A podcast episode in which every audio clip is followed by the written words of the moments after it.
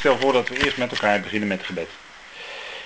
Trouw vader, wij danken u dat we zo deze avond weer uit uw woord willen leren, vader. Wij danken u dat we de mogelijkheid hebben om dat in alle vrijheid met elkaar te kunnen doen. Vader, dank u wel voor bijzondere woorden. Dank u wel ook voor deze avonden waarop wij het profetische woord willen overdenken met elkaar. Vader, er is ontzettend veel geschreven in uw woord dat profetisch is, wat wijst op de grote toekomst die u heeft voor de gemeente, maar ook voor Israël en de volkeren. Vader, we danken u dat we ons daarover mogen buigen en vanavond willen we kijken naar hoe, hoe het Daniel verging. Vader, we danken u dat u daarin een hele wonderlijke geschiedenis die gebeurd is heeft laten opschrijven. Vader, en zo mogen we met elkaar daar ons over buigen. Wilt u ons leiden door uw geest in de waarheid van uw woord. Wilt u leiden in spreken. Wilt u wijsheid inschenken. En ook, Vader, bij het luisteren. Vader, geef ons daarin ook een verlichting in ons hart. Verlicht de ogen van ons hart. Zodat wij uw woord kunnen verstaan en begrijpen.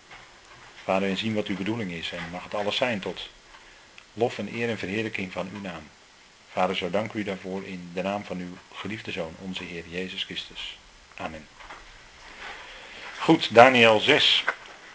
En ik denk dat het goed is om met elkaar te gaan uh, lezen in uh, de eerste versen. Omdat we de vorige keer hebben gezien dat in de nacht waarop het uh, schrift op de muur uh, verscheen. Dus de hand die schreef op de muur, hè, een bekende handschrift met die woorden. Daar hebben we de vorige keer naar gekeken. En in diezelfde nacht werd de toenmalige koning Belshazzar gedood, staat er dan. Daar eindigde hoofdstuk 5 mee. En hoofdstuk 6 die knoopt daarbij aan en die zegt dan, en dan lezen we even de eerste versen. Darius de Meder ontving het koningschap toen hij ongeveer 62 jaar oud was. Het behaagde Darius over het koninkrijk 120 stadhouders aan te stellen die over heel het koninkrijk verdeeld zouden zijn. En over hen drie rijksbestuurders, van wie Daniel er één was. Aan hen moesten die stadhouders verantwoording afleggen, opdat de koning niet benadeeld werd. Toen overtrof Daniel toen overtrof deze Daniel de rijksbestuurders en de stadhouders, omdat er een uitzonderlijke geest in hem was. De koning overwoog hem over heel het koninkrijk aan te stellen. Goed, even tot zover. We lezen hier dat uh, Darius, de Meder, en we hebben de vorige keer al uh, even gezien met elkaar dat uh, Darius eigenlijk een titel is. Het is niet zozeer een naam, maar naar alle waarschijnlijkheid is het een titel geweest die de regenten in die tijd, of de koningen in die tijd hadden. Darius betekent dan zoiets als vasthouder of behouder. En dan staat er dat hij, eh, misschien is het, eh, het kan afgeleid worden van eh, een woord, en dat is het woord darash.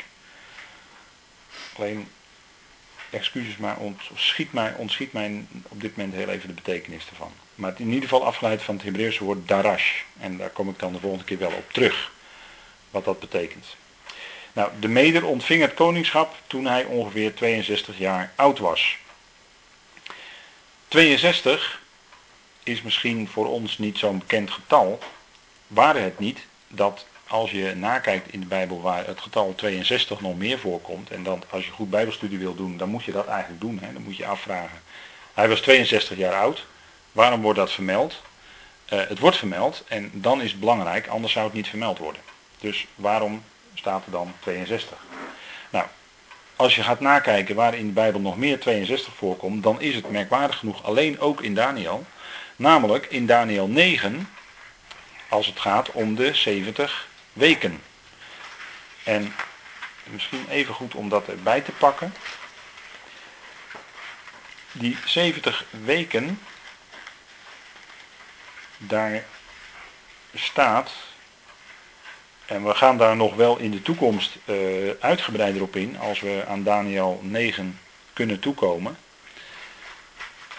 Uh, maar dat zal dan uh, laat, op een later moment zijn natuurlijk. Gaan we nog heel uitgebreid op die versen 24 tot en met 27 in. Maar voor nu even vers 25.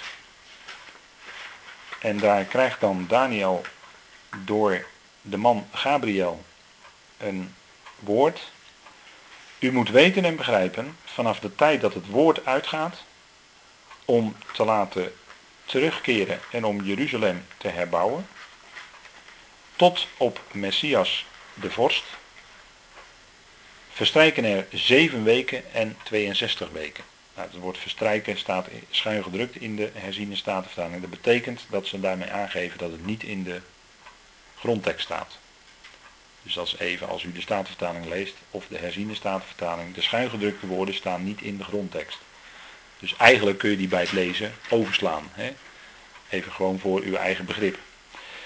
Dus hier vinden wij dat er een uh, deling wordt gemaakt tussen die zeven jaarweken. Wij weten achteraf dat het jaarweken geweest zijn. Dus in totaal gaat het om een periode van 490 jaar. Zeven weken is dan 49 jaar. En 62 weken, nou dat is 62 keer 7. En dat is uh, eh, 469 jaar, als ik het heel snel optel uit mijn hoofd.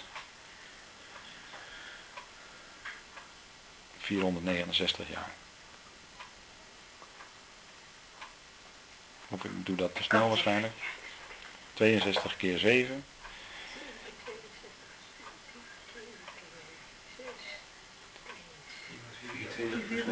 400, 434, hoor ik zeggen. 434? Ja. Betere hoofdrekenaars hier, ja. 434, oké. 434 plus 49 moet dan 483 opleveren. Dat kan niet anders. En dan die laatste 7 is dan 490, ja. Dus 434 jaar, maar merkwaardig genoeg, na 7 weken, dus er wordt een deling gemaakt. Het woord ging uit om Jeruzalem te herbouwen, dus dan heb je 49 jaar gaat er voorbij en dan gebeurt er weer iets specifieks. En dan verstrijken er nog eens een keer 62 jaar, maar dan komt er een enorme tijdspanne ertussen. Dus een tijdspanne waarvan wij nu achteraf weten ongeveer 2000 jaar. En dan pas gaat die laatste, die 70ste week van Daniel lopen. En dat verschijnsel van een onderbroken geschiedenis, dat vinden wij talloze malen in de Bijbel terug. inmiddels als ik het woord of de naam Peres zeg, dan weet u eigenlijk al genoeg. Dat betekent breuk. En dan weet u dat ook de geschiedenissen waarin het Peres voorkomt, dan gaat het om een breuk in de tijd. Een onderbroken geschiedenis. Peres Uzza, die hield de ark tegen. En ook dat, dat was een onderbroken geschiedenis, dat hebben we gezien. En Peres, hier ook, uh, heeft ook hier iets te maken met dat woord pers. Maar je hebt ook de geschiedenis van Zerach en Peres. Dat is ook, dat is de, Zerach werd het eerst geboren. Genesis 38, Juda en Tamar. Ja, Juda en Tamar, Genesis 38. Serach werd het eerst geboren, die kreeg een rood koordje om de hand. Om de hand.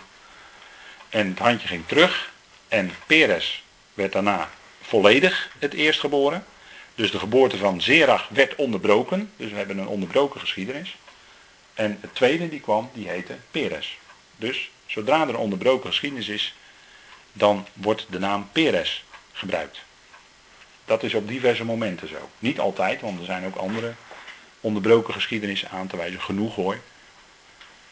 Ik zou ook kunnen noemen het dochtertje van Jairus.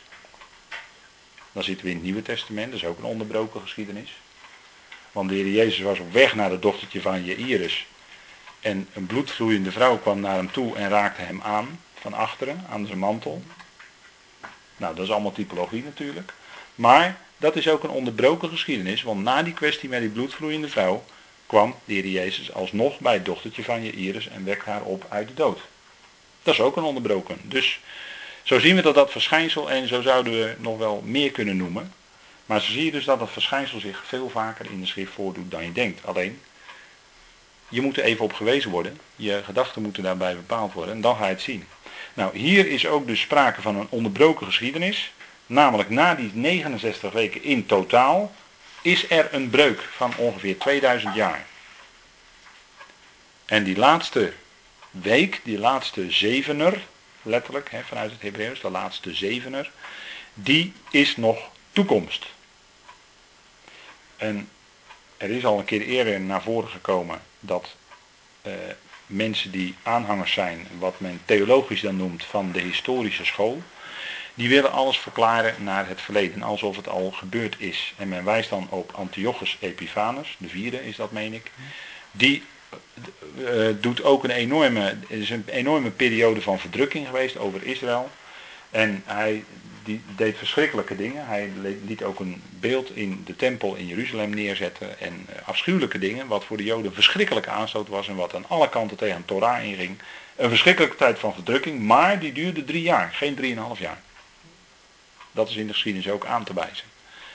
Dus daarmee, en op basis van Antiochus wil die historische school verklaren dat die laatste jaarweek toen al gebeurd is. Dus men zegt op grond daarvan, ja, maar dat is toen allemaal al gebeurd en er was ook ongeveer een periode van 3,5 jaar grote verdrukking, dat is allemaal al geweest. Met andere woorden, eh, we hoeven dat niet meer voor de toekomst te verwachten. Nou, wij zijn wat dat betreft, uh, zitten er anders in. Wij zeggen van nee, het klopt niet. Er is geen periode geweest van 3,5 jaar grote verdrukking. En bovendien zijn nog een hele reeks aan gebeurtenissen die ook nog niet gekomen, die ook nog niet gebeurd zijn. Om maar even iets te noemen, Messias de Vorst, wij weten dat het is de Heer Jezus Christus, die hier genoemd wordt in Daniel 9, vers 25, die heeft zijn koninkrijk nog niet opgericht. En er staat beloofd in de schrift dat als die grote verdrukking, die 3,5 jaar duurt, geweest is, en die kan ook maar 3,5 jaar duren, omdat dan de Heer Jezus komt en zijn voeten zal zetten op de Lijfberg en zijn volk zal verlossen. Dat kunnen mensen van de historische school niet aanwijzen in de geschiedenis. Zo'n moment dat er een Messias komt die hen verlost. Dan wijst men wel op een Messias-achtige figuur, maar die voldoet belangen na niet aan de beschrijvingen van de Heer Jezus zelf. Daarmee, daarmee kunnen wij vaststellen, want buiten dat gebeuren wat ik nu genoemd heb, is er eigenlijk geen enkele periode van die bij benadering 3,5 jaar geduurd heeft van grote verdrukking over Israël. Daarmee kunnen wij zeggen dat die laatste jaarweek van Daniel, die zeventigste, die hier dus in dit stukje genoemd wordt, nog toekomst is. Dat is even belangrijk voor ons om vast te stellen. Nou, die 62, daar gaat het eigenlijk om. Die 62 weken, die zijn als getal voor ons nu belangrijk, omdat 62 een overeenkomst eh, biedt met de 62 jaar waarop, eh, waarop Darius aan de macht kwam. Kijk, Darius werd koning op zijn 62ste jaar. En wij vinden de enige keer in de schrift terug die 62 weken, wat feitelijk het einde is van een periode van 69 weken, waarin dan een onderbroken periode komt, een onderbroken geschiedenis is. Nou, dat is in feite de sleutel tot Daniel 6. Daniel komt in de leeuwenkuil. En hij komt daar ook weer uit. In de leeuwenkuil, Daniel in de leeuwenkuil. En iedereen dacht, Daniel komt daar nooit meer uit. Maar hij komt er weer uit. En dat is heel bijzonder. Dat hij, de, dat hij toch weer terugkomt. Nou goed, daar gaan we verder over spreken. Dus daarom die 62 dat is het begin eigenlijk van de periode waarvan de apostel Paulus zegt dat het het beheer van het geheimenis is. Of uh, de, met andere woorden gezegd, de bedeling van de verborgenheid. In de Statenvertaling wordt het altijd verborgenheid genoemd. Nou, dat is hetzelfde als het geheimenis. Het is alleen een kwestie van taal. Die periode van verborgenheid, daar zitten wij nog steeds in. Dat is voor wat betreft de heilsgeschiedenis met Israël dus een onderbroken geschiedenis. Gods weg met Israël wordt onderbroken, maar zal straks weer verder gaan. Maar in deze 2000 jaar, in deze twee dagen kan ik ook zeggen. Twee dagen is 2000 jaar, zegt apostel Petrus. In deze 2000 jaar wordt de gemeente, het lichaam van Christus, uitgeroepen. En als de gemeente weg is genomen, dan is het ook het einde van bijna het einde van de periode van verborgenheid, moet ik zeggen, als ik wat nauwkeuriger ben. En pas in openbaring, maar dat hebben we vorige keer gelezen met elkaar, in openbaring 10 wordt die periode van het geheimenis beëindigd. Er wordt ook gezegd in openbaring 10, nu is de, het geheimenis van God is voorbij. Het geheimenis van God is uh, ten einde. En het is voor iedereen openbaar dat God de overheerser is en dat God ingrijpt in de geschiedenis. Dus die 62 jaar is hier dan toch wel weer opmerkelijk dat het hier staat. Hè? Uh, de, de herziende staatvertaling geeft er een voetnoot bij. En die zijn altijd toch uh, erg goed. Een zoon, die zegt, het is letterlijk een zoon van ongeveer 62 jaar. En dat maakt het eigenlijk nog opmerkelijker, want zoon, dat is ben in het Hebreeuws. En de zoon, onder andere, maar daar zou nog wel veel meer over te zeggen zijn, maar de zoon is onder andere de erfgenaam. De zoon van de vader is onder andere erfgenaam. En krijgt daarmee het toebedeelde, oftewel in Israël het lotdeel. Denkt u maar aan de geschiedenis van de verloren zoons. De verloren zoon die ver weg ging, die eiste als eerste zijn deel op, zijn lotdeel zeg maar. En die ging zijn eigen weg. En die bracht alles erdoor. Maar er was ook nog een andere zoon en die was thuis. Nou, dat is eigenlijk een dubbel beeld van hoe het zou gaan met het volk Israël. Maar daarin is ook duidelijk te zien dat dus de zoon, en zo ging het ook in, de, in Israël, de, het, het erfdeel of het lotdeel van de familie, dat bleef in de handen van de familie. En dat ging over van vader op zoon. Dus vandaar dat de zoon kun je ook de erfgenaam noemen. Dus een zoon van ongeveer 62 jaar heeft iets te maken met erfgenaam. En dan staat er, het behaagde Darius over het koninkrijk 120 stadhouders aan te stellen, die over heel het koninkrijk zouden zijn. Dus die regeerden over het koninkrijk. En 120, dat is, uh, daarin zit natuurlijk de 12, 12 keer 10. En 12 heeft in de schrift altijd te maken met regering. Denk maar aan de 12 stammen van Israël die zullen koningen en priesters zijn. Nou, koningen houdt dus ook regering in. Denk aan de twaalf discipelen of apostelen, die zullen regeren over de twaalf stammen van Israël. Maar ik zou ook kunnen zeggen, denk aan de eh, twaalf maanden van het jaar. Dat is een bepaalde regering in de tijd. En die kunnen we nog verder verfijnen met, een, in een dag gaat twee keer twaalf uur. Dat is een bepaalde regering van de tijd. Je hebt ook twaalf tekens van de dierenriem, die aan de sterrenhemel staan en waarvan we weten dat daarin eigenlijk ook het evangelie geschreven staat. Maar dat is ook een vorm van regering en dan gaat daar een bepaalde weg, wordt door die dierenriem natuurlijk afgelegd. Dus het getal 12 heeft in de schrift steeds te maken met regering of heerschappij. En denk ook even aan de 144.000 die in openbaring op verschillende momenten genoemd worden. Dan hebben we dus over 12 keer 12.000. Die hebben ook iets te maken met regering. Dus het getal 12 heeft te maken met de vestiging of het aanwezig zijn van regering, van heerschappij. Vandaar de 120 stadhouders. En boven die 120 stadhouders stonden er drie rijksbestuurders, waarvan Daniel er één was. En Daniel bleek een uitzonderlijke geest te hebben. En daarom overwoog de koning hem aan te stellen over het hele koninkrijk. En u weet dan hoe dat gaat, en dat gaat vandaag de dag nog steeds zo. Dan lezen we even verder in vers 5. Daarop gingen de rijksbestuurders en de stadhouders zoeken naar een grond voor een aanklacht tegen Daniel in zaken het koninkrijk, maar ze konden geen enkele grond voor een aanklacht of iets verkeerds vinden, omdat hij betrouwbaar was en er geen nalatigheid of iets verkeerds bij hem te vinden was. Toen zeiden deze mannen, wij zullen tegen deze Daniel geen enkele grond voor een aanklacht vinden, tenzij wij iets tegen hem vinden in de wet van zijn God. Zo kwamen deze rijksbestuurders en stadhouders eensgezind bij de koning en zeiden het volgende tegen hem: Koning Darius, leef in eeuwigheid.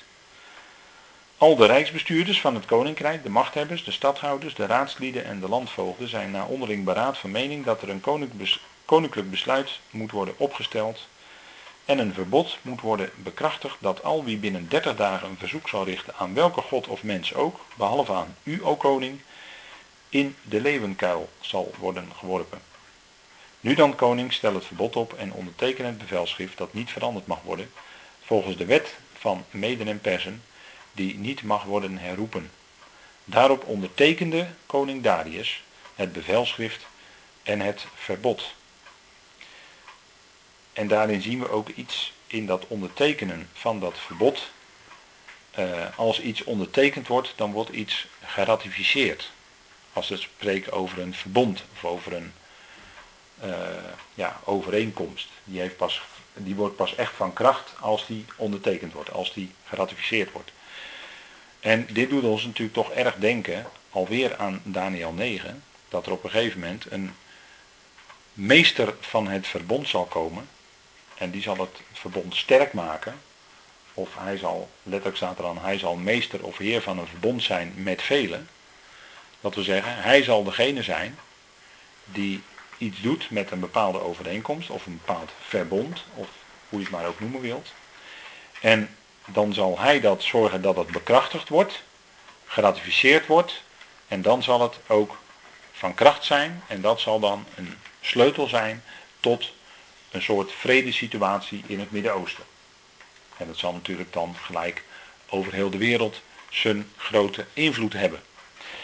Nou goed, dat, uh, dat is denk ik goed om even te beseffen. En we zien hier dat er een wet is van de Meden en de Persen. Dat is natuurlijk ook spreekwoordelijk geworden. Hè? Een wet van Meden en Persen. Dat kennen we nog wel in ons spraakgebruik. Met andere woorden, dat weten we dan nog uit de geschiedenis. Als een wet van Meden en Persen ondertekend is, bekrachtigd is, dan kan die niet meer gewijzigd worden. Dan is die gewoon van kracht, kan niks meer aan veranderd worden. En dat is eigenlijk een stap terug.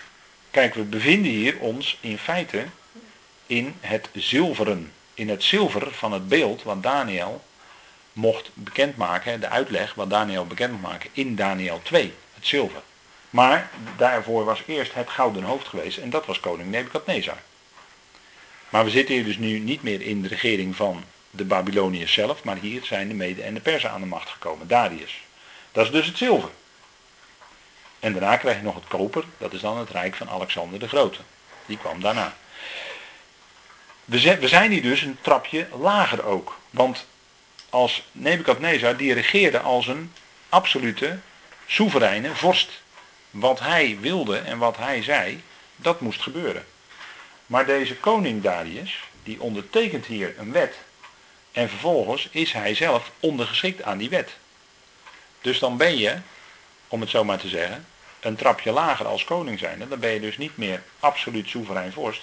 Waarbij je niets van de wet hoeft aan te trekken bij gelegenheid. Maar Darius, dat gaat blijken, die moest zich onderwerpen aan die wet, omdat die wet nu eenmaal getekend was. Ook al had hij hem zelf getekend. Dus je bent een trapje lager dan bij Nebukadnezar. En daarmee ook een stap verder af van wat eigenlijk een uitbeelding is van God zelf. Want koning Nebukadnezar als absolute vorst, dat gouden hoofd, was een uitbeelding van God zelf. Die soeverein is, die alles voor het zeggen heeft, die alles bewerkt. Al wat hij wil gebeurt. Hij zal al zijn raadsbesluiten volbrengen. Jezaja staat er vol mee onder andere. Hè? Jezaja 3, 4, 45. Jezaja geeft dat heel duidelijk aan. En daarin, dat, dat wordt weerspiegeld in koning Nebukadnezar, het gouden hoofd, wiens woord en wiens wil moest gebeuren toen hij alleen heerser was op aarde. Nou, hier zijn we dus een trap lager en blijkt dus dat eigenlijk uh, Darius hier erin getuind is bij degene die hem daartoe, laat maar zeggen, uh, er, erin liet te tuinen. Hè, die dat uh, als een vooropgezet, je zou dat ook een samenzwering kunnen noemen, tegen Daniel. En Darius tuinde erin. En toen wist Daniel natuurlijk eigenlijk hoe laat het was. Want Daniel die had natuurlijk een wet, een Torah. En hij wilde zich houden aan de Torah, ongeacht die wet die nu uitgevaardigd was van de Mede en de Persen. Want hij kende natuurlijk zijn Torah en zijn Torah zei, het eerste, belangrijkste, wat God aan de Israël op Sinai had meegegeven. Gij zult de Heer uw God alleen aanbidden en hem alleen dienen. Hoor Israël, hoor. De Heere uw God is één. En daar viel niet aan te tornen. En natuurlijk voor Daniel ook niet. Die wilde zich houden aan de Torah. Dus die kon niet anders dan alleen zijn God aanroepen. Terwijl hij wist wat de consequenties waren als dat ontdekt zou worden. Dat staat in vers 11. Toen Daniel te weten kwam dat dit bevelschrift ondertekend was, ging hij zijn huis binnen. En nu had hij in zijn bovenvertrek open vensters in de richting van Jeruzalem. Op drie tijdstippen per dag ging hij op zijn knieën, bad hij en dankte hij voor het aangezicht van zijn God, precies zoals hij voordien gedaan had. En toen kwamen deze mannen, eensgezind bij zijn huis en troffen Daniel aan terwijl hij bad en smeekte om genade voor het aangezicht van zijn God.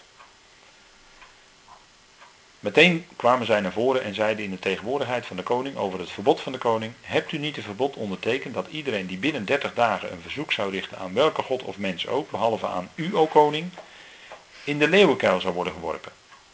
De koning antwoordde en zei: Dat woord staat vast volgens de wet van Mede en Perzer, die niet mag worden herroepen. Toen antwoordden en zeiden zij in de tegenwoordigheid van de koning: Daniel, een van de ballingen uit Juda, heeft op u, o koning, en op het verbod dat u ondertekend hebt, geen acht geslagen, maar op drie tijdstippen per dag doet hij zijn gebed. Toen de koning dit woord hoorde, nam hij het zichzelf zeer kwalijk en hij zette zijn hart erop om Daniel te verlossen. Tot zonsondergang spande hij zich in om hem te redden. Dus die koning zat daar geweldig mee. Hij kon niet onder zijn ondertekening van het gebod van het bevel kon hij uitkomen. Hij was er dus ingetuind. En Daniel, de samenzwering tegen Daniel, was dus gelukt. Ze waren er als de kippen bij om hem onderuit te halen. Want hij was iemand die kennelijk, ja, zij konden dat niet hebben. Hij was iemand die beter was. En u weet dat, dat het vaak zo is. Hè? Als iemand beter is dan de rest, dan zal de rest proberen diegene eruit te werken. Dat geldt op alle niveaus binnen het bedrijfsleven. Het geldt binnen de politiek. Het geldt binnen de christelijke wereld. Het geldt eigenlijk overal waar mensen met elkaar uh, samen uh, optrekken, om het zo maar te zeggen. Of dat nou in zakelijk verband is of niet. Als iemand uh, er bovenuit steekt, in Nederland zeggen we dan, degene die zijn hoofd boven het maaiveld uitsteekt, dan weten we wat er gebeurt. Hè? Ja. En soortgelijke uitdrukkingen, die zijn gewoon van toepassing. En dat zie je hier gewoon gebeuren. Hè? Zij zijn jaloers op Daniel, omdat Daniel die hoge positie krijgt en dat er een bijzondere geest in Daniel is. En zij proberen hem onderuit te halen. Maar op welk punt? Op het punt van de godsdienst. En daar zal het ook natuurlijk om gaan in de eindtijd. Daar gaat het om. Als straks er een bevelen gaan uitgaan dat men het beest en het beeld van het beest moet gaan aanbidden, dan zal dat zijn op straffen van de dood als je het niet doet. Dan begrijpt u natuurlijk dat de Joden, orthodoxe Joden, die zullen dat niet doen. En daar staat de doodstraf op. En het geldt gewoon voor iedereen in die tijd die dat niet wil doen, maar toch iemand anders gaat aanroepen en aanbidden zoals Daniel doet, dan staat daar gewoon de doodstraf op. En zo was het ook bij Daniel. Dus daarin is deze geschiedenis, wat Daniel overkomt, is dus een uitbeelding van straks in de grote verdrukking, wat dan gaat gebeuren. Onder andere, zeg ik er dan gelijk bij. Maar dit is profetisch over wat in de grote verdrukking gaat gebeuren. En dan wordt Daniel dus in de leeuwenkuil geworpen, wat feitelijk natuurlijk zijn doodvonnis betekent. die, leeuwen, die leeuwen in die leeuwenkuil, dat zijn hongerige beesten. En men verwachtte natuurlijk, als Daniel daarin zou worden geworpen, dat hij onmiddellijk verscheurd zou worden door die leeuwen. Dus het zou gewoon zijn doodvonnis betekenen. Gruwelijk, maar waar. Het is gruwelijk genoeg. Hè? Maar het is dus profetisch over wat in de grote verdrukking straks gaat gebeuren. En dat kunnen we misschien even met elkaar lezen in openbaring. Dat is misschien toch beter om te lezen dan dat ik het voor u in eigen woorden vertel. Openbaring 13.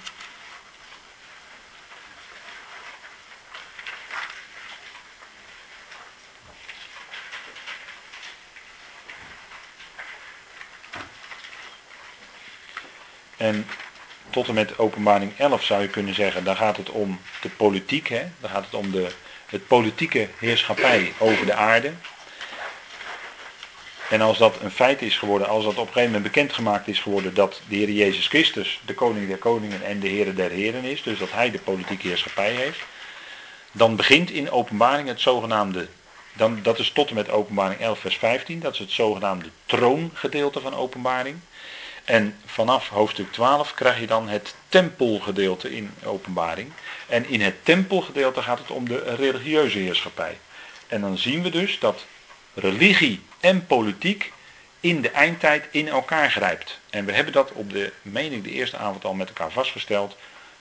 Toen we zagen dat uh, Nebukadnezar de, het, het tempelgerij meenam uit Jeruzalem.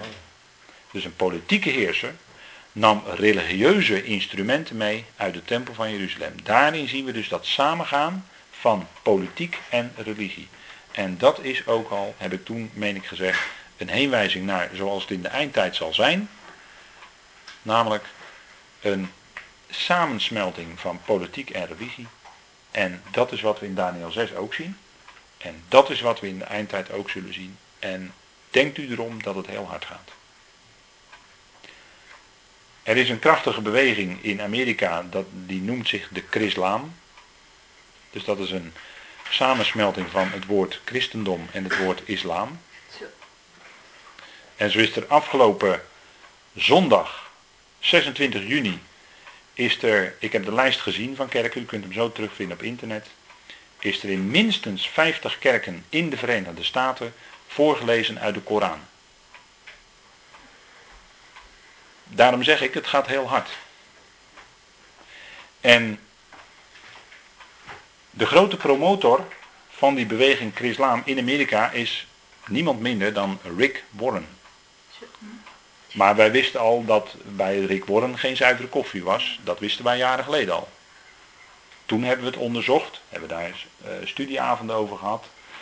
En toen werd duidelijk dat het geen zuivere koffie was. Nu komt de aap dus uit de mouw. Nu zien we het ware gezicht. Maar als je gelovige bent en je toetst aan de schrift, dan kom je erachter. En Rick Warren kon die toets niet doorstaan en nu blijkt het. Dus dat is denk ik, en daarmee zeg ik ook, het gaat heel hard. En ehm, vergist u zich ook niet in de rol van de huidige president Obama, van wie de vader zeer waarschijnlijk een moslim was, is, ik weet niet zeker meer of hij nog leeft. Dacht, leeft hij nog? Weet hij, leeft hij nog? Nee, leeft niet meer. Nee. Maar is waarschijnlijk, was, is, was, zeer waarschijnlijk een moslim. Dus dan weet u uit welke hoek de wind waait. En die heeft ook uitspraken gedaan, recentelijk, die er niet om liegen. Dus daarmee zeg ik, het gaat hard. Het is maar dat u het weet. Nou, we zien hier dus in uh, openbaring zien we dus een, een samenkomen van politiek en religie. En de bekende, eigenlijk hele bekende uh, woorden die vaak worden geciteerd, staan in openbaring 13, uh, eh, vers 6, even vanaf vers 6. Dat gaat om het beest uit de zee. Dat is het beest uit de Volkerenzee en de zee is de Volkerenzee. En het opende zijn mond om God te lasteren, om zijn naam te lasteren en zijn tent en hen die in de hemel wonen. En het werd macht gegeven om oorlog te voeren tegen de heiligen en om hen te overwinnen. En hem werd macht gegeven over elke stam, taal en volk. En allen die op de aarde wonen zullen het aanbidden, van wie de namen niet geschreven zijn in het boek des levens van het lam dat geslacht is van de grondlegging van de wereld af. Indien iemand oren heeft om te horen, laat hij horen. Als iemand in gevangenschap voert, die gaat zelf in gevangenschap. Als iemand met het zwaard doodt, moet hij zelf met het zwaard gedood worden. Hier is, het, hier is de volharding en het geloof van de heiligen. Dus hier staat dat de mensen op de aarde, elke stam, hè, hem werd macht gegeven over elke stam, taal en volk. En dat zijn woorden die ook bij Nebukadnezar gebruikt worden. Dat hij de macht had over elke stam en taal en volk. Dat komt diverse keren in Daniel terug. Dus daarin zien we weer dat beginsel van Babel. Als het gaat om een Babylonisch rijk, dan is het een antichristelijk rijk, is het ook een wereldrijk. En dan uh, lezen we even met elkaar in vers. Dus iedereen wordt verplicht om voor, de, voor dat beest te buigen. En dan komt er een uh, tweede beest in Openbaring 13 vanaf vers 11. En dan is het een beest uit de aarde. En ik zag een ander beest opkomen uit de aarde en het had twee horens, als die van het lam, maar het sprak als de draak. En het oefent al de macht van het eerste beest voor zijn ogen uit en het maakt dat de aarde en zij die erop wonen het eerste beest aanbidden waarvan de dodelijke wond genezen was. En het doet grote tekenen, zodat het zelfs vuur uit de hemel laat neerkomen op de aarde voor de ogen van de mensen. En het misleidt hen die op de aarde wonen door middel van de tekenen die het gegeven zijn, te doen voor de ogen van het beest. En het zegt tegen hen die op de aarde wonen dat zij een beeld moeten maken voor het beest dat de wond van het zwaard had en levend werd. En hem werd macht gegeven om een geest te geven aan het beeld van het beest, opdat het beeld van het beest zelfs zou spreken en zou maken dat allen die het beeld van het beest niet zouden aanbidden, gedood zouden worden. En het maakt dat men aan alle kleine en grote, rijken en armen, vrijen en slaven een merkteken geeft op hun rechterhand of op hun voorhoofd. En dat niemand kan kopen of verkopen, behalve hij die dat merkteken heeft, of de naam van het beest of het getal van zijn naam. Hier is de wijsheid. Wie het verstand heeft, laat hij het getal van het beest berekenen, want het is een getal van een mens en zijn getal is 666. Nou, bekende woorden dit, maar hierin zien we dus dat in de eindtijd iedereen dus zal moeten buigen voor het beest en ook voor het beeld van het beest waaraan zelfs een geest gegeven wordt zodat het kan spreken. normaal gesproken kan een afgodsbeeld helemaal niet spreken, kan ook niet horen, kan ook niet zien, kan helemaal niets. Hè? Maar in dit geval is het wel bijzonder dat zo'n beeld hier wel kan spreken. En dat zal mensen in verbazing brengen. En u ziet de functie van tekenen en wonderen, dat dus de mensen op de aarde misleid worden door tekenen en wonderen die dat tweede beest doet voor het oog van het eerste beest. Dus tekenen en wonderen is in de eindtijd een enorme vorm van misleiding. En er laat zelfs vuur uit de hemel komen, zodat mensen die de Bijbel kennen denken, hé, hey, dat is Elia. Want die liet ook vuur uit de hemel komen. Weet je wel, op de karmel, met die, uh, wat was het geloof ik, 400 baalpriesters. Met dat hele altaar. Met heel veel water eromheen en erop. En alles verging in dat vuur, hè? alles. Ook de stenen, alles. Er bleef niks meer van over van het altaar. Maar dat kwam pas toen Elia had gebeden. En toen pas kwam de vuur uit de hemel. En die baalpriesters die konden helemaal niets bewerkstelligen. Maar Elia, bij het gebed van Elia kwam een vuur uit de hemel. Nou, daardoor zullen waarschijnlijk zelfs de uitverkorenen misschien wel uit Israël, die denken dat het echt Elia is, daardoor misleid kunnen worden. Zo erg zal die misleiding zijn.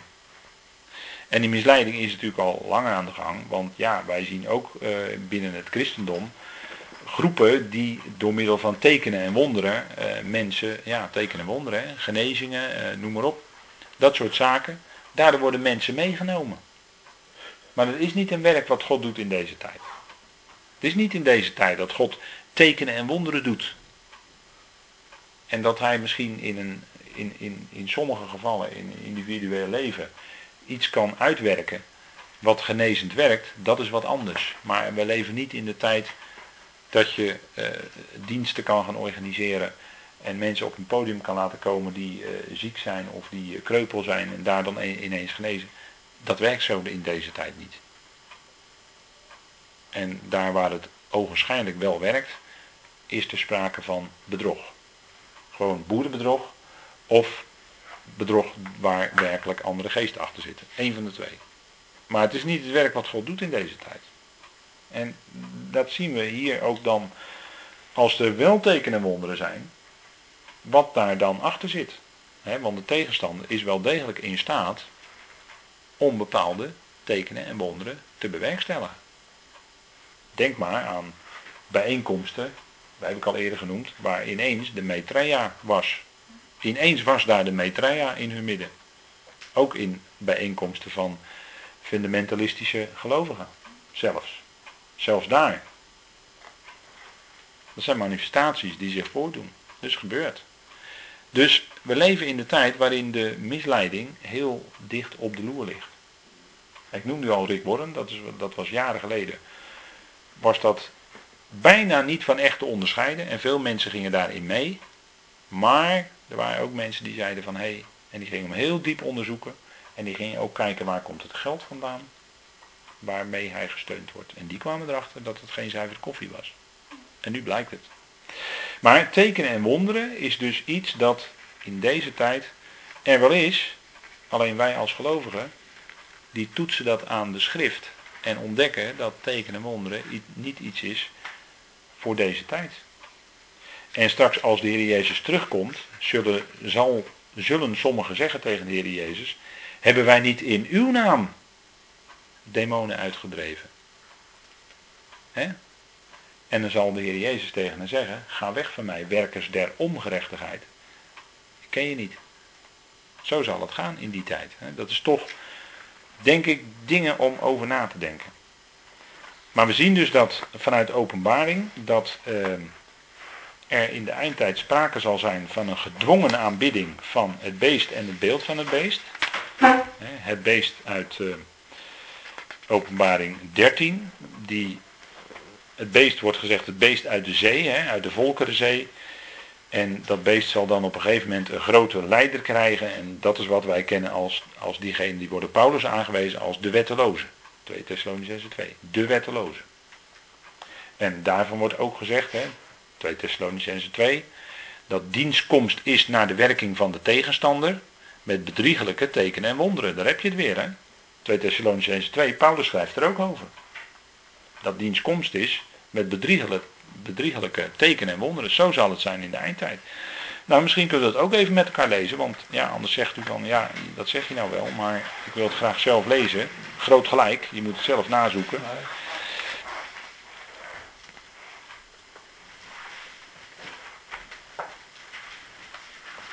En die dingen hebben wel met elkaar te maken. Het grijpt allemaal in elkaar. En dan komen we natuurlijk van de, van de ene schriftplaats in de andere. Maar dat komt omdat die dingen met elkaar te maken hebben. En je moet altijd schrift met schrift vergelijken. Want dat is ongelooflijk belangrijk. wil je de betekenis van een woord weten, dan moet je het woord opzoeken vanuit de grondtekst in alle tekstverbanden waar het voorkomt in de Bijbel. Dan ontdek je de betekenis van een woord. Dat is wat we kennen als de concordante methode. Dat is de gezonde methode om een betekenis van een woord te ontdekken. En daarnaast is een hele gezonde methode ook schrift met schrift vergelijken. Leg de teksten naast elkaar die over dezelfde dingen gaan. En dan zul je ontdekken dat de schrift eigenlijk zichzelf verklaart.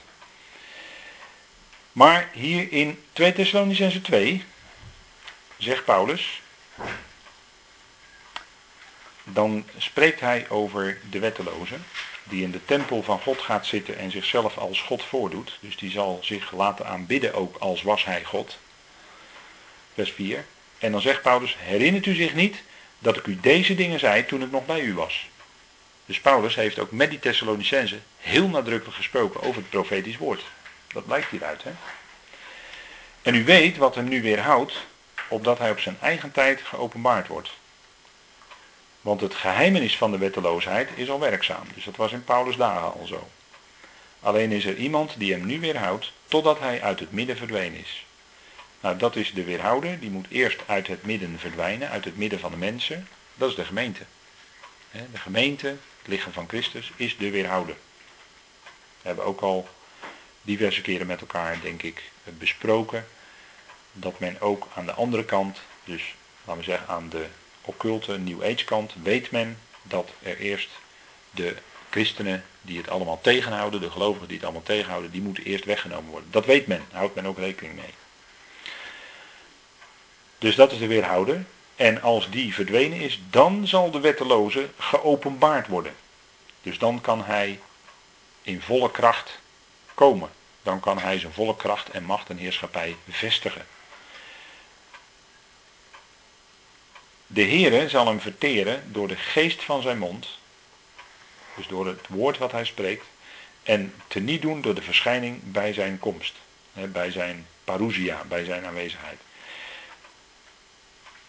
wiens komst en dat is dan die andere parousia, namelijk die van de wetteloze, overeenkomstig de werking van de Satan, van de tegenstander is, met allerlei kracht, tekenen en wonderen van de leugen. Ziet u het? Hier wordt ook gesproken over tekenen en wonderen en dat zijn komst daarmee vergezeld gaat. Hè? Dus die aanwezigheid van die wetteloze, die parousia van die wetteloze, gaat gepaard dus met deze dingen. Krachten, tekenen en wonderen. Om de mensen te misleiden. En met allerlei misleiding van de ongerechtigheid in hen die verloren gaan, omdat zij de liefde voor de waarheid niet aangenomen hebben om gered te worden. En daarom zal God hun een krachtige dwaling zenden, zodat zij de leugen geloven. En persoonlijk ben ik ervan overtuigd, maar dat is mijn overtuiging op dit moment. Persoonlijk ben ik ervan overtuigd dat die krachtige dwaling, dat het iets te maken heeft met wat ik net zei, de Chrislaan. Ik denk dat daar, het daar iets mee te maken heeft. Maar goed, ik zeg er nadrukkelijk bij, ik denk. Zodat zij de leugen geloven, opdat zij alle veroordeeld worden die de waarheid niet geloofd hebben, maar een behagen hebben gehad in de ongerechtigheid. Dus die zullen in die tijd meegaan in die ongerechtigheid. De leugen geloven en misleid worden. En zo zal het moeten zijn, want het is voorzegd. Het is aangezegd hier in een profetisch woord van Paulus. En daarmee is het natuurlijk aangezegd, is het profetie en dan gaat het ook gebeuren. Het moet zo ook gaan gebeuren. Kan niet anders. En dat past dan kennelijk toch in dat grote plan van God. ook al zou je kunnen zeggen, ja, dit, dit gaat in principe in tegen de wil van God, want de mensen gaan de enige ware God niet meer aanbidden. Het gaat in tegen in principe de wil van God, maar het is wel in overeenstemming met het plan van God. Mensen kunnen nu wel tegen de wil van God ingaan, maar niet tegen het plan van God. Ze kunnen nooit tegen Gods bedoeling ingaan. dat zijn twee verschillende woorden in de grondtekst die heel belangrijk zijn dat je die moet onderscheiden.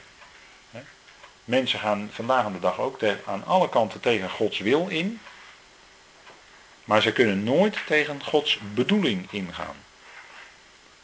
En Gods diepere bedoeling met de dingen zoals die ook nu in de wereld zijn, is dat het moet leiden tot de komst van de wetteloze. Dat moet gebeuren. Daarom moet de wetteloosheid ook toenemen. Wij vinden dat niet fijn om te constateren. En bij tijd en hebben we misschien ook wel last van. Maar het moet toch zo gaan gebeuren. Het moet gaan toenemen allemaal, die wetteloosheid. Het moet tot een hoogtepunt komen en dan zal de Heer Jezus Christus zelf komen.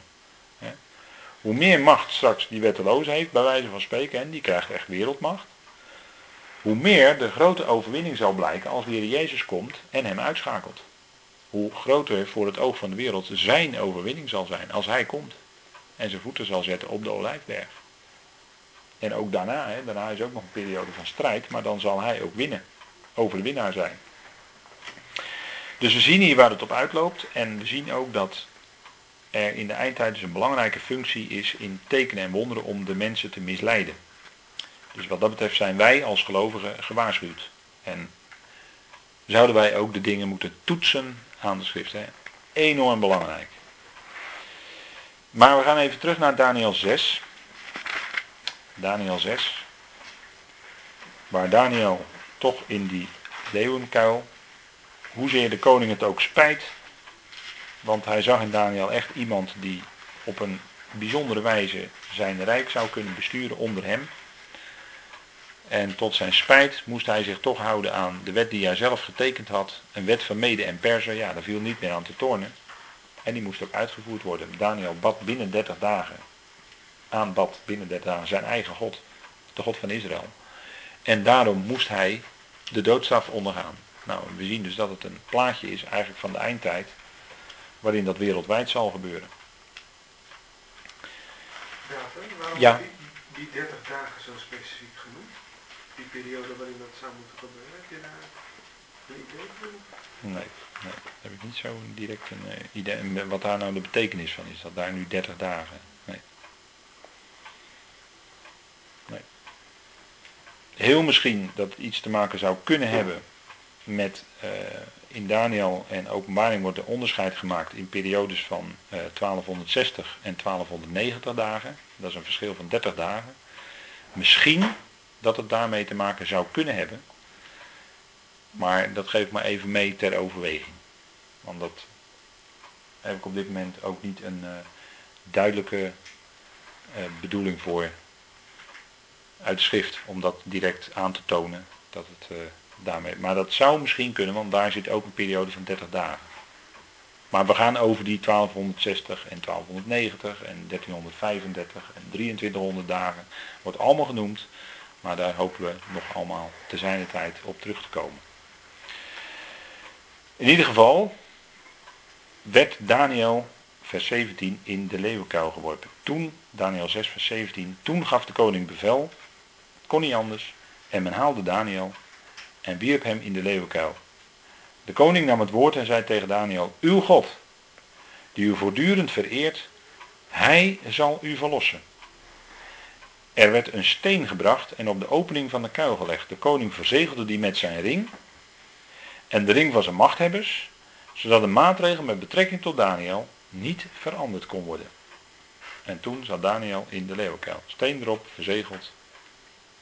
En iedereen dacht, die komt er nooit meer uit. Maar goed, we gaan eerst even pauzeren. En we gaan daarna de pauze daar even naar, verder naar kijken.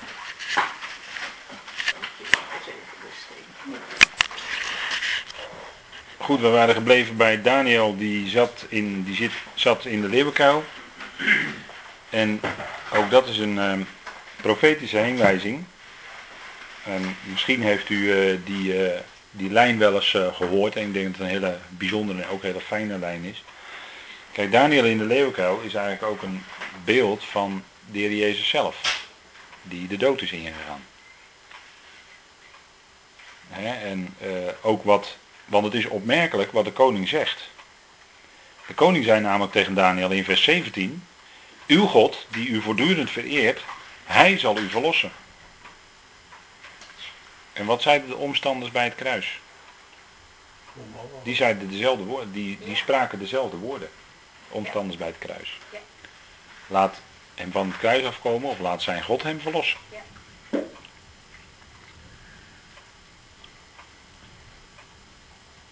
En de leeuwenkuil, hè, de mond van de leeuw. Ook dat is een, eigenlijk een, een profetische heenwijzing. Daar wordt in de psalmen op gewezen.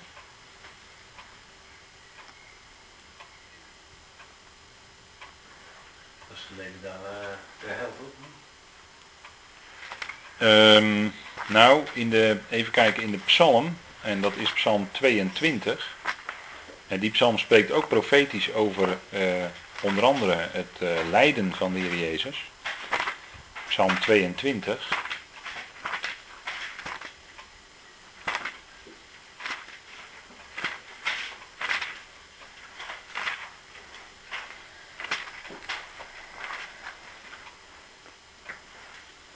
Dat is wat de Heer Jezus dan bidt, hè? Psalm 22 vanaf vers 20. Dat is een uh, bekende psalm. Zeker uh, zal daar uh, op Goede Vrijdag uitgepreekt worden. En dat is eigenlijk het gebed van de Heer Jezus zelf. Hè? Maar u Heer blijft niet ver weg.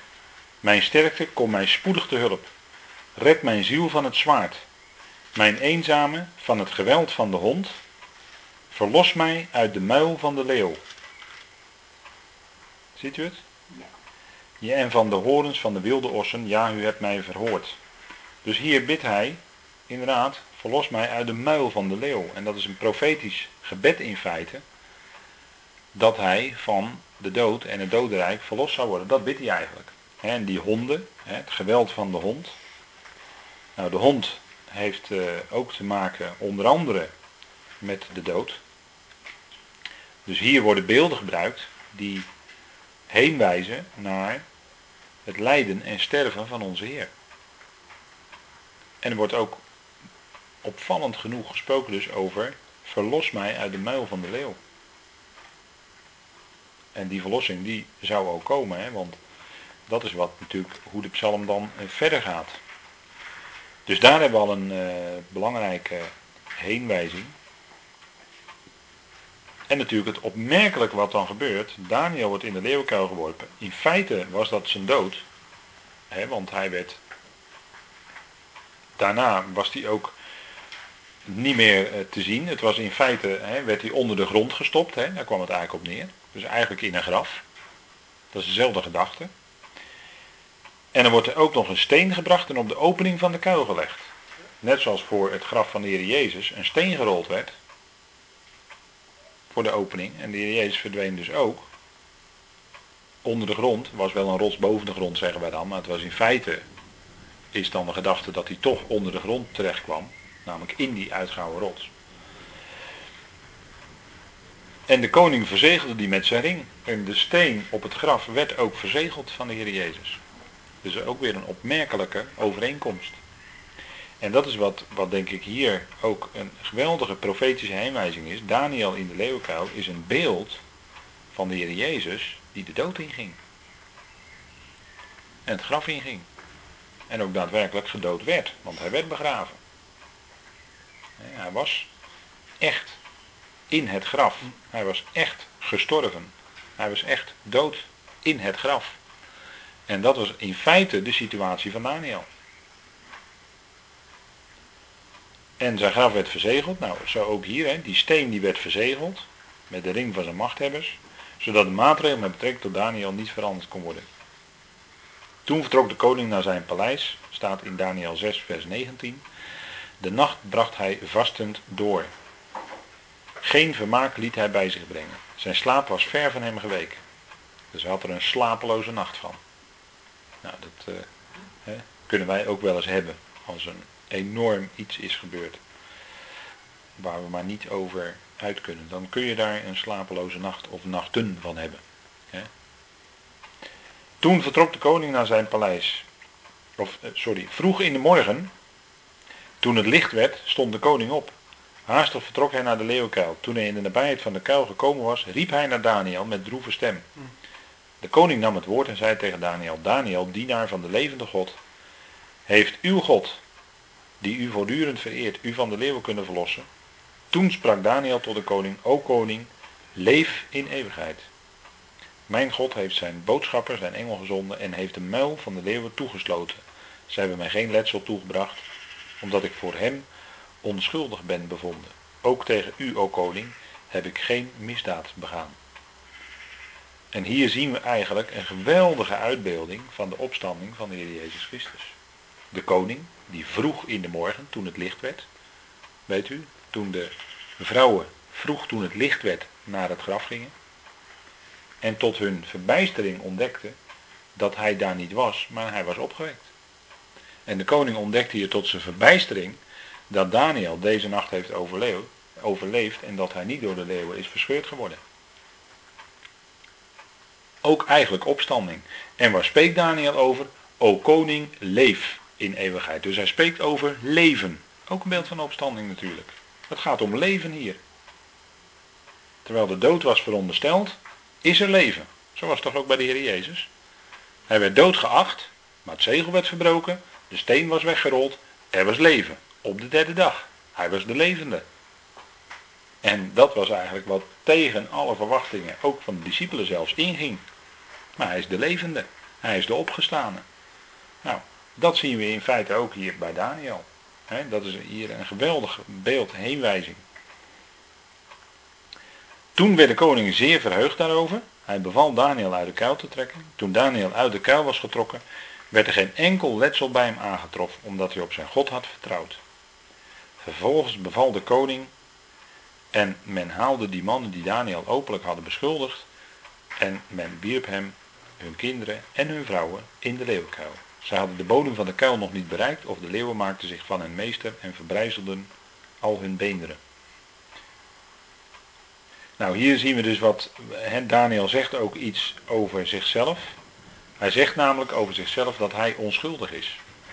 En dat is toch ook wat de koning in de tijd van de Jezus of de stadhouder Pilatus vaststelde.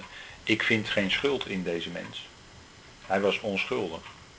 Nou, dat, dat, hè, dat werd bij de Heer Jezus. En dat werd dus eigenlijk bij Daniel. Was het ook zo. Daniel was onschuldig in feite. En hij had ook tegen de koning geen misdaad begaan. En dat gold precies eender, ook later voor de Heer Jezus zelf. Er werd geen schuld in hem gevonden. Ze konden geen schuld in hem vinden. Daarom kreeg je dat heen en weer spel tussen Pilatus en Herodes. En hij werd dus door zijn, hè, door zijn uh, nabije bestuurders, door de nabije bestuurders, werd hij, en die zorgden ervoor dat hij in de leeuwenkuil kwam. Zo was het in de tijd van de Heer Jezus toch ook. De overpriesters en schriftgeleerden en de fariseeën, nou overpriesters en schriftgeleerden, die zorgden er toch voor dat hij gedood werd. Die zochten toch ook een voorwensel om de Heer Jezus uit de weg te kunnen ruimen. Net zoals die leiders hier van de mede en de persen ook een voorwensel zochten om Daniel uit de weg te kunnen ruimen. Dat is toch precies hetzelfde. Dat zijn toch geweldige profetische beelden dan die hierin zitten.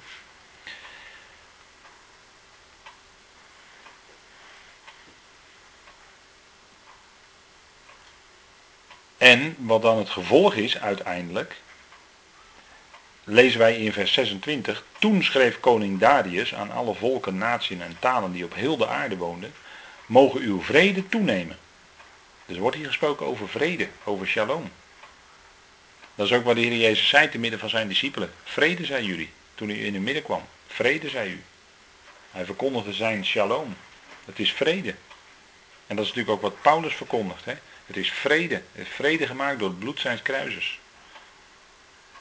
En op basis van die vrede ook verzoening. Verzoening voor heel de schepping. Dat is natuurlijk geweldig hè. Dus die shalom, die wordt hier ook bekendgemaakt. Over alle volken, naties en talen die op de aarde wonen.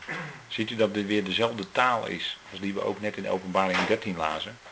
Elke stam en taal en natie, dat is toch dezelfde bewoordingen zijn dat. Dus dan zien we dat wereldwijde karakter van de zaak. En dan zien we ook dat Darius ervan getuigt, vers 27, er werd door mij bevel gegeven dat men in heel het machtsgebied van mijn koninkrijk zal beven en sidderen voor het aangezicht van de God van Daniel, want hij is de levende God en houdt voor eeuwig stand, zijn koninkrijk gaat niet te gronden en zijn heerschappij duurt tot het einde. Hij verlost en redt, hij doet tekenen en wonderen in hemel en op de aarde, hij die Daniel heeft verlost uit de klauwen van de leeuwen. En het ging deze Daniel voorspoedig onder het koningschap van Darius en onder het koningschap van Kores de Pers. Dat is dan de volgende heerser onder wie Daniel ook kon dienen. Maar we zien hier dus dat hier gesproken wordt over het koninkrijk, dat blijft. Het koninkrijk wat in feite, uh, Darius zegt nou in mijn koninkrijk moet in feite die God van Daniel uh, regeren. Nou dat is natuurlijk een geweldige uitbeelding van het komende koninkrijk wat via Israël door de Heer Jezus wordt opgericht over de hele wereld. En daarin zien we eigenlijk in die hele geschiedenis, want ik vind echt de mooiste toepassing vind ik op de Heer Jezus zelf uiteraard, hè, zijn dood en opstanding. Dat is natuurlijk uh, fantastisch. Maar er zit nog een andere, uh, nog een ander iets bij. Dat is namelijk de afgelopen tijd, waar ik net al aan even aan refereerde. De tijd van het geheimenis. De tijd waarin God niet rechtstreeks ingrijpt in de mensengeschiedenis. Dat is eigenlijk de periode dat Daniel in de leeuwenkuil is. Dat Daniel daardoor uh, zijn omstanders bedreigd wordt. En daarin zou je kunnen zeggen, is Daniel in zekere zin, in zekere zin, een beeld van zijn eigen volk. En Daniel was natuurlijk uit het Joodse volk. Hij was een van de ballingen van Juda. Notabene juist een van de edelen van Juda. Hè? Een van de, die behoorde tot uh, de edele geslachten. Dus Daniel is daarin een beeld van het volk Israël. Dat uh, gedurende een zekere tijd niet zichtbaar is als volk op aarde. Nou, dat hebben we de afgelopen 2000 jaar kunnen zien. Maar nochtans zijn ze niet gedood, want als het volk bestaat nog steeds het is een groot wonder, een wonder van God, dat dit volk Israël nog steeds bestaat. Dat het niet is opgegaan, dat het niet is geassimileerd in de volkeren. Maar het bestaat nog steeds. Dat zien we aan dat kleine landje waar het volk daar is, weliswaar in ongeloof, hè, want het is daar niet een uh, gelovig Israël, maar toch, er is weer sprake van het volk, van een vereniging, vooral door toedoen van de Tweede Wereldoorlog, Hitler enzovoort. En dan blijkt dat het volk daar toch weer is. Men heeft het gezocht om het uit te roeien, om het te doden. Maar het is niet gelukt. En weet u welk teken dat is uit de schrift? Of welke tekenen, want ik denk nu aan meerdere tegelijk, welke tekenen dat zijn. Dat teken aan het volk, het teken van Jona, bijvoorbeeld. Hè. De Jezus zegt in Matthäus 12, aan jullie zal geen ander teken gegeven worden dan het teken van Jona de profeet. Die twee dagen, of eh, sorry, drie dagen en drie, drie nachten, op zijn Hebreeuws gezegd, in de grote vis was. Dat wil zeggen, ten onder gegaan was in de zee, in die vis, dat is dus in de Volkerenzee, hè, in de schrift. Dus hij was onder, ten onder in die zee, net zoals het volk Israël ten onder ging in de Volkerenzee de afgelopen 2000 jaar. Ook twee dagen volgens Petrus, hè? twee dagen. Bij de Heer is een dag als duizend jaar en duizend jaar als een dag. Dus dat is het teken van Jona, wat ook het volk, niet alleen de Heer Jezus zelf. Want de zoon des mensen, zegt hij dan, zal in het hart van de aarde zijn drie dagen en drie nachten. Maar ook het volk, dus dat is ook een teken wat aan het volk zou gebeuren. Zij zijn twee dagen ten onder in de Volkerenzee. Maar op de derde dag zullen zij ook hun wederopstanding beleven en zullen zij de geest van God ontvangen en zal hij met hen treden in het nieuwe verbond, enzovoort, enzovoort, enzovoort. Lees Jeremia 31, lees Hebreeën 8, 9 en 10. En zo zien we dat dat teken van Jona aan het volk is vervuld geworden. En dat, dat zie je eigenlijk ook gesymboliseerd in wat Daniel overkomt. Die is weliswaar één nacht in de leeuwenkuil. Nou, dat is dan een hele lange nacht voor het volk Israël, waarin zij het licht van Yahweh niet hebben. Zij aanvaarden Messias, hun Messias Jezus niet. Hij is het licht der wereld. Maar zij aanvaarden hem niet. Dus zij zijn in de nacht. Ze hebben oren om niet te horen en ogen om niet te zien, zegt Jezaja. Dat is ook aan hen voltrokken de afgelopen 2000 jaar. En men heeft gezocht dat is een teken, hè? Maar nu het andere teken. Men heeft gezocht om het volk te doden, maar heeft het niet gekund. Welk teken is dat? Wie? Aan wie in de schrift kunt u dan denken? Het boek Esther is, heeft wel alles te maken met de periode van het geheimenis, absoluut. Maar dat is niet helemaal, maar dat is een soortgelijk iets inderdaad, Haman enzovoort. En het volk ook niet. Maar een specifiek teken wat in de schrift genoemd wordt. Ja, dat hebben we met Kain. Ja, het teken van Kain inderdaad. Ja, Ka Kain. Ja, het teken van Kain. Want wat was het teken van Kain? Teken van Kain was dat men hem zou zoeken hem te doden, maar men zou het niet kunnen. Dat was het teken van Kain. En wie was Kain? Nou, hij vermoordde zijn eigen broer. Wat heeft Israël gedaan onder, onder, onder leiding van de leiders van het volk, zeg ik er dan heel nadrukkelijk bij. Die hebben hun eigen broer gedood, namelijk de Heer Jezus Christus zelf. Want Abel is natuurlijk een type van de Heer Jezus Christus. En het teken wat Kain kreeg was dat men hem zou zoeken om hem te doden, maar zou het niet kunnen. En dat is precies met Israël ook. Men heeft Israël gezocht om het uit te roeien, om het te doden, maar kon het niet. En dat stapelt zich op hè, in de geschiedenis. Kijk, Ismaël zou het liefst Isaac hebben uitgeroeid. Maar kon het niet. Esau zou het liefst Jacob hebben uitgeroeid. Maar kon het niet. Want waar was Jacob? Nou, die was weg. Twintig jaar lang bij oom Laban. In het buitenland. Ook een beeld van... Dat is weer zo'n onderbroken geschiedenis trouwens. Hè? Over onderbroken geschiedenis gesproken. Jacob gaat twintig jaar weg naar oom Laban en komt weer terug. Bij Bethel, weet u wel. Bij die steen die hij daar gezalfd heeft huis gods, Bethel, met die ladder enzovoort. Nou goed, dan tuimelen de beelden over elkaar heen. Maar dat is precies hetzelfde. Dat is ook die onderbroken geschiedenis. En zo heb je dat steeds. De broers wilden Jozef toch uitroeien, maar konden het niet. Dat is, dat is hetzelfde verhaal wat Israël later overkomt. Dus dat zit allemaal in die typen van Genesis, zit het allemaal al opgesloten. Mozes, de brandende braambos. Dat is ook hetzelfde verhaal in feite. Er was vuur in die braambos, maar de braambos verging niet. Ook een beeld van Israël. wat in het vuur van de verdrukking zou zijn. Maar het zal nogthans niet verteerd worden, want het is er nog steeds. De rijke man, weet u wel, de rijke man en de arme Lazarus? Nou, die rijke man, die is toch ook in de vlammen? Maar staat, en eh, dat is een beeld van dat het volk Israël een enorme verdrukking zou ondergaan in de, in de toekomstige periode. Dat men ze uh, zou vervolgen. En het teken van de zoon des mensen is dan misschien hetzelfde? Ja, het teken van de zoon des mensen is precies hetzelfde.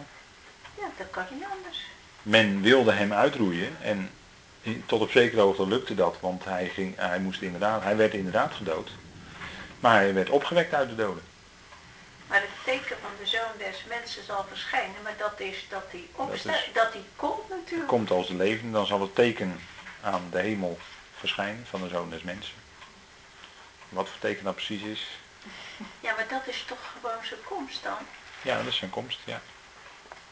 Dat zal het teken van de zoon des mensen. Maar wat is dan dat teken? Nou, dat hij twee dagen wegblijft. Nou, weggebleven is. hij komt dan terug natuurlijk. Matthäus 24.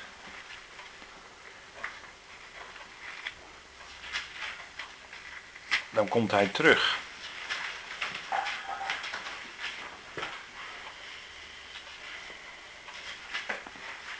Want daar staat natuurlijk in Matthäus 24, vers 30. Dat, is de, dat zijn de verschijnselen als, uh, als de dag des Heren uh, gaat intreden. Maar in Matthäus 24, vers 30 staat: En dan zal aan de hemel het teken van de zoon des mensen verschijnen. En dan zullen al de stammen van de aarde rouw bedrijven. En ze zullen de zoon des mensen zien. Als hij op de wolken van de hemel komt met grote kracht en heerlijkheid. Dus het teken van de zoon des mensen zal aan de hemel te zien zijn. En wat maar Kain had toch ook geen letterlijk teken? Nee, maar... Dat was toch ook een symbool? Dat was symbolisch, ja. Er werd gesproken over het teken van zijn voorhoofd, maar dat was eigenlijk dat men hem niet zou kunnen doden. Is dat ook een verwijzing hè, bij uh, vers 30 Matthäus? wordt verwezen naar Daniel 7 vers 10. Ja. Ja? Ja. Ja, en, uh, ja inderdaad. op dat moment een rivier van vuur stroomde en ging voor zijn aangezicht uit. Ja. Duizendmaal duizenden dienden hem en tienduizendmaal tienduizenden stonden voor zijn aangezicht. Het gerechtshof hield zitting en de boeken werden geopend. Ja, ja precies. Dus de rivier van vuur zou dan ook dat teken zijn. Misschien, dat zou kunnen. Dat zou kunnen. Maar dat, uh, ja. Maar dat uh, op dit moment uh, kan ik daar even geen uitspraak over doen. Maar het is inderdaad uh, de zoon des mensen. Die uh, komt, hè, zo wordt hij ook genoemd in uh, openbaring 1.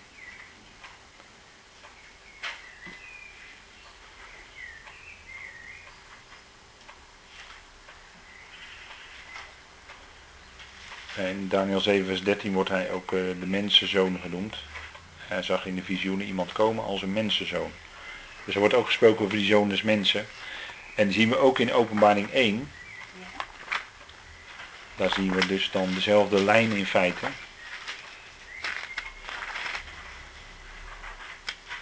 Openbaring 1.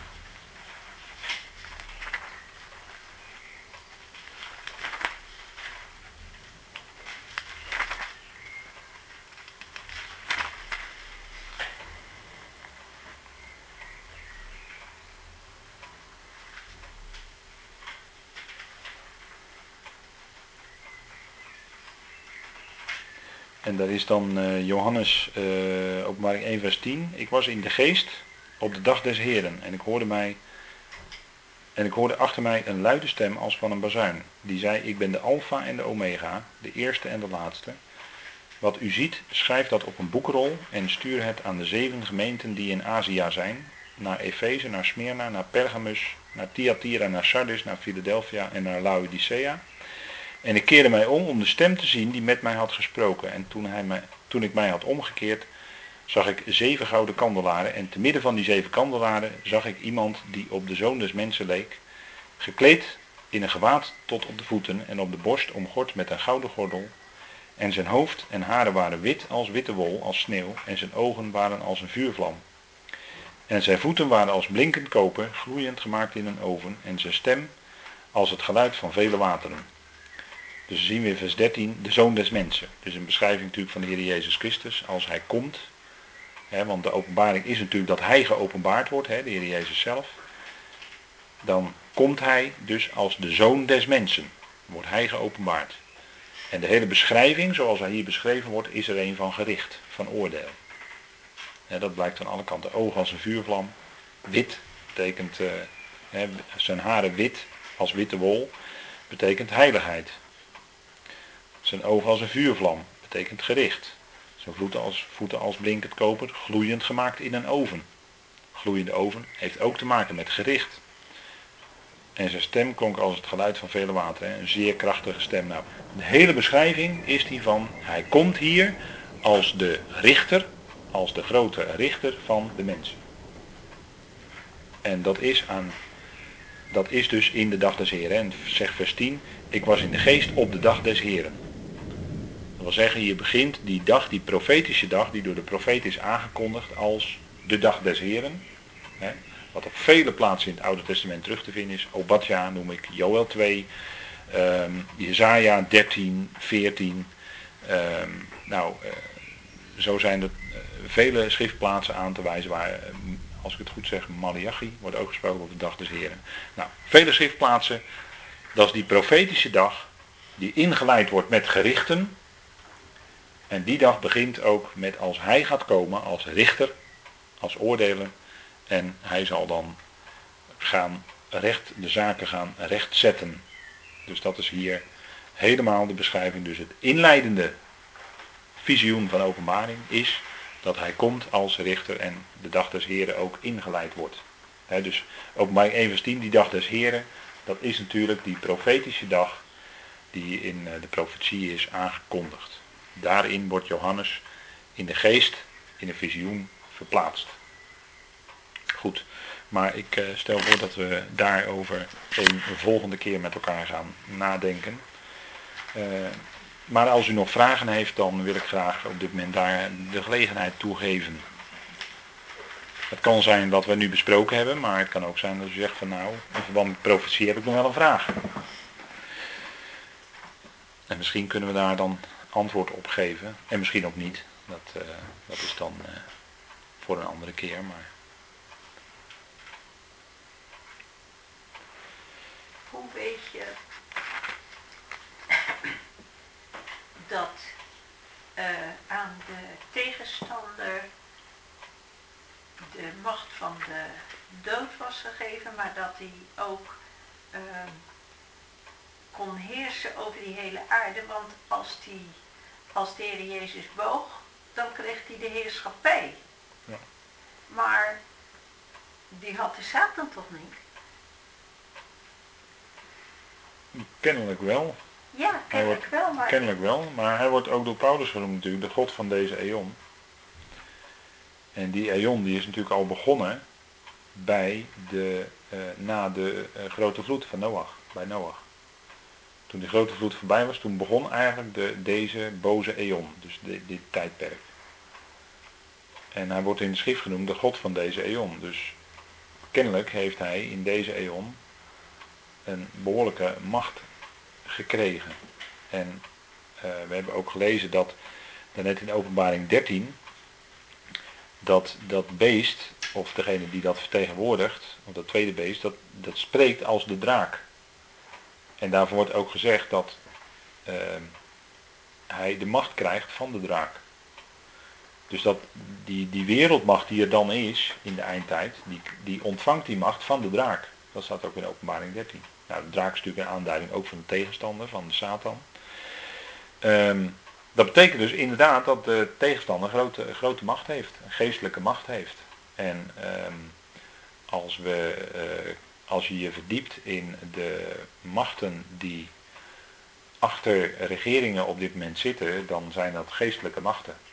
Waar in feite die regeringen, uh, ja, die zitten in feite onder dat beslag van die geestelijke machten. En uh, die geestelijke machten, dat is wordt dan uitgevoerd, die macht wordt uitgevoerd door mensen natuurlijk. Hè, wordt door mensen wordt dat verder uitgewerkt. Maar als je dus ehm, heel diep daarachter zoekt, dan kom je uiteindelijk erbij dat dus inderdaad eh, dat het alles te maken heeft met de tegenstander.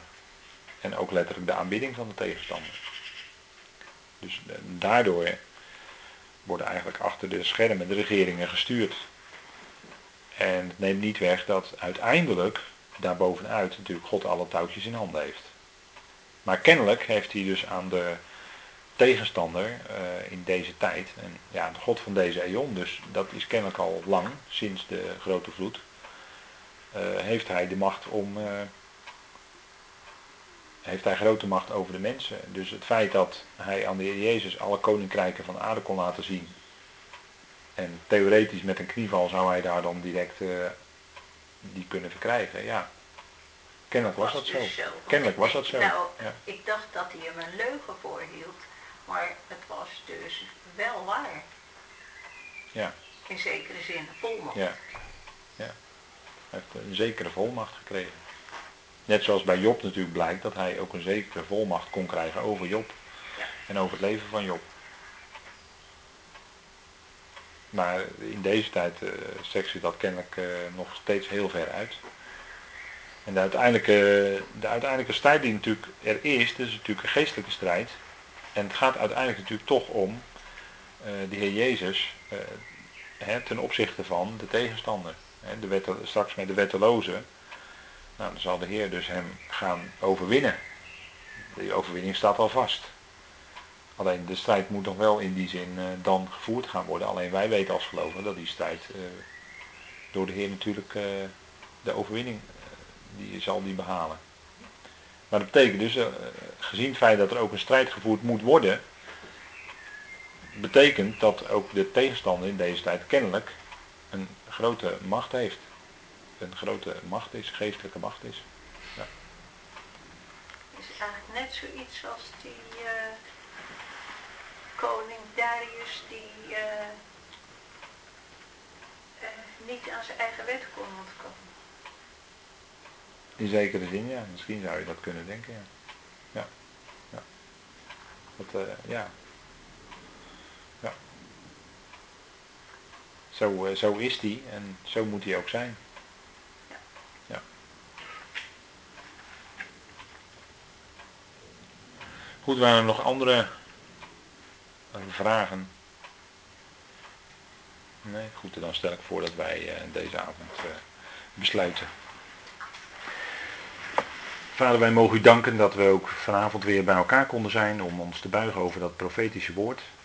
We danken u dat we stil konden staan vandaag bij die prachtige geschiedenis toch wel van Daniel in de leeuwenkuil. Met alle geweldige profetische beelden die dat in zich heeft. Vader, en we hebben ook gelezen over hoe het zal zijn in de eindtijd. De tijd die eraan zit te komen, waarin wereldwijd er een aanbidding geëist gaat worden van het beest en het beeld van het beest. Vader, dank u wel dat u ons als gelovigen daar uitredt. Dat wij een verwachting hebben voor de komende toren, voor de periode waarin u gaat ingrijpen. Vader, dank u wel dat u ons die eerdere verwachting geeft en dat wij met die bazuin Gods weggerukt zullen worden en u zullen ontmoeten, Heer, in de lucht. We danken u, Vader, voor die verwachting die wij als leden van het lichaam van Christus hebben. En dat we toch graag uit uw woord willen leren en ontdekken hoe het zit in deze eindtijd. En hoe uw plan zich gaat ontwikkelen als wij weg zijn. Vader, dank u wel dat u ons daartoe een inzicht geeft. En dat we daartoe ook uw woord hebben om daar inzicht in te krijgen. Dank u wel, Vader, dat u ons zo door dat, door dat woord van u dat licht geeft. En zicht op wie u bent. En dank u wel dat u inderdaad vrede heeft gemaakt. In het bloed van het kruis. Vader, waardoor wereldwijde verzoening een geweldig iets is wat Paulus mocht verkondigen. Vader, dank u wel dat u uiteindelijk tot uw doel gaat komen. Vader, en we danken u dat we mogen beseffen En leven in die geweldige verwachting van wat u gaat doen en wat u gaat uitwerken en uw plannen, vader. Niemand zal ze tegen kunnen houden. Vader, we kunnen als mens misschien ingaan tegen uw wil, maar we kunnen nooit uw bedoeling weerstaan. Vader, en dank u wel dat u zo geweldig plan heeft gemaakt. Dat u uiteindelijk, Vader, door uw zoon alles zal overwinnen. Vader, we danken u daarvoor. Dat de dood voor ons geen schrik meer aanjaagt, omdat er door uw zoon is overwonnen. Dat u uiteindelijk ook de dood er niet zal doen. Vader, we danken u wel over en we prijzen u daarvoor. In de machtige naam van uw geliefde Zoon, onze Heer Jezus Christus. Amen.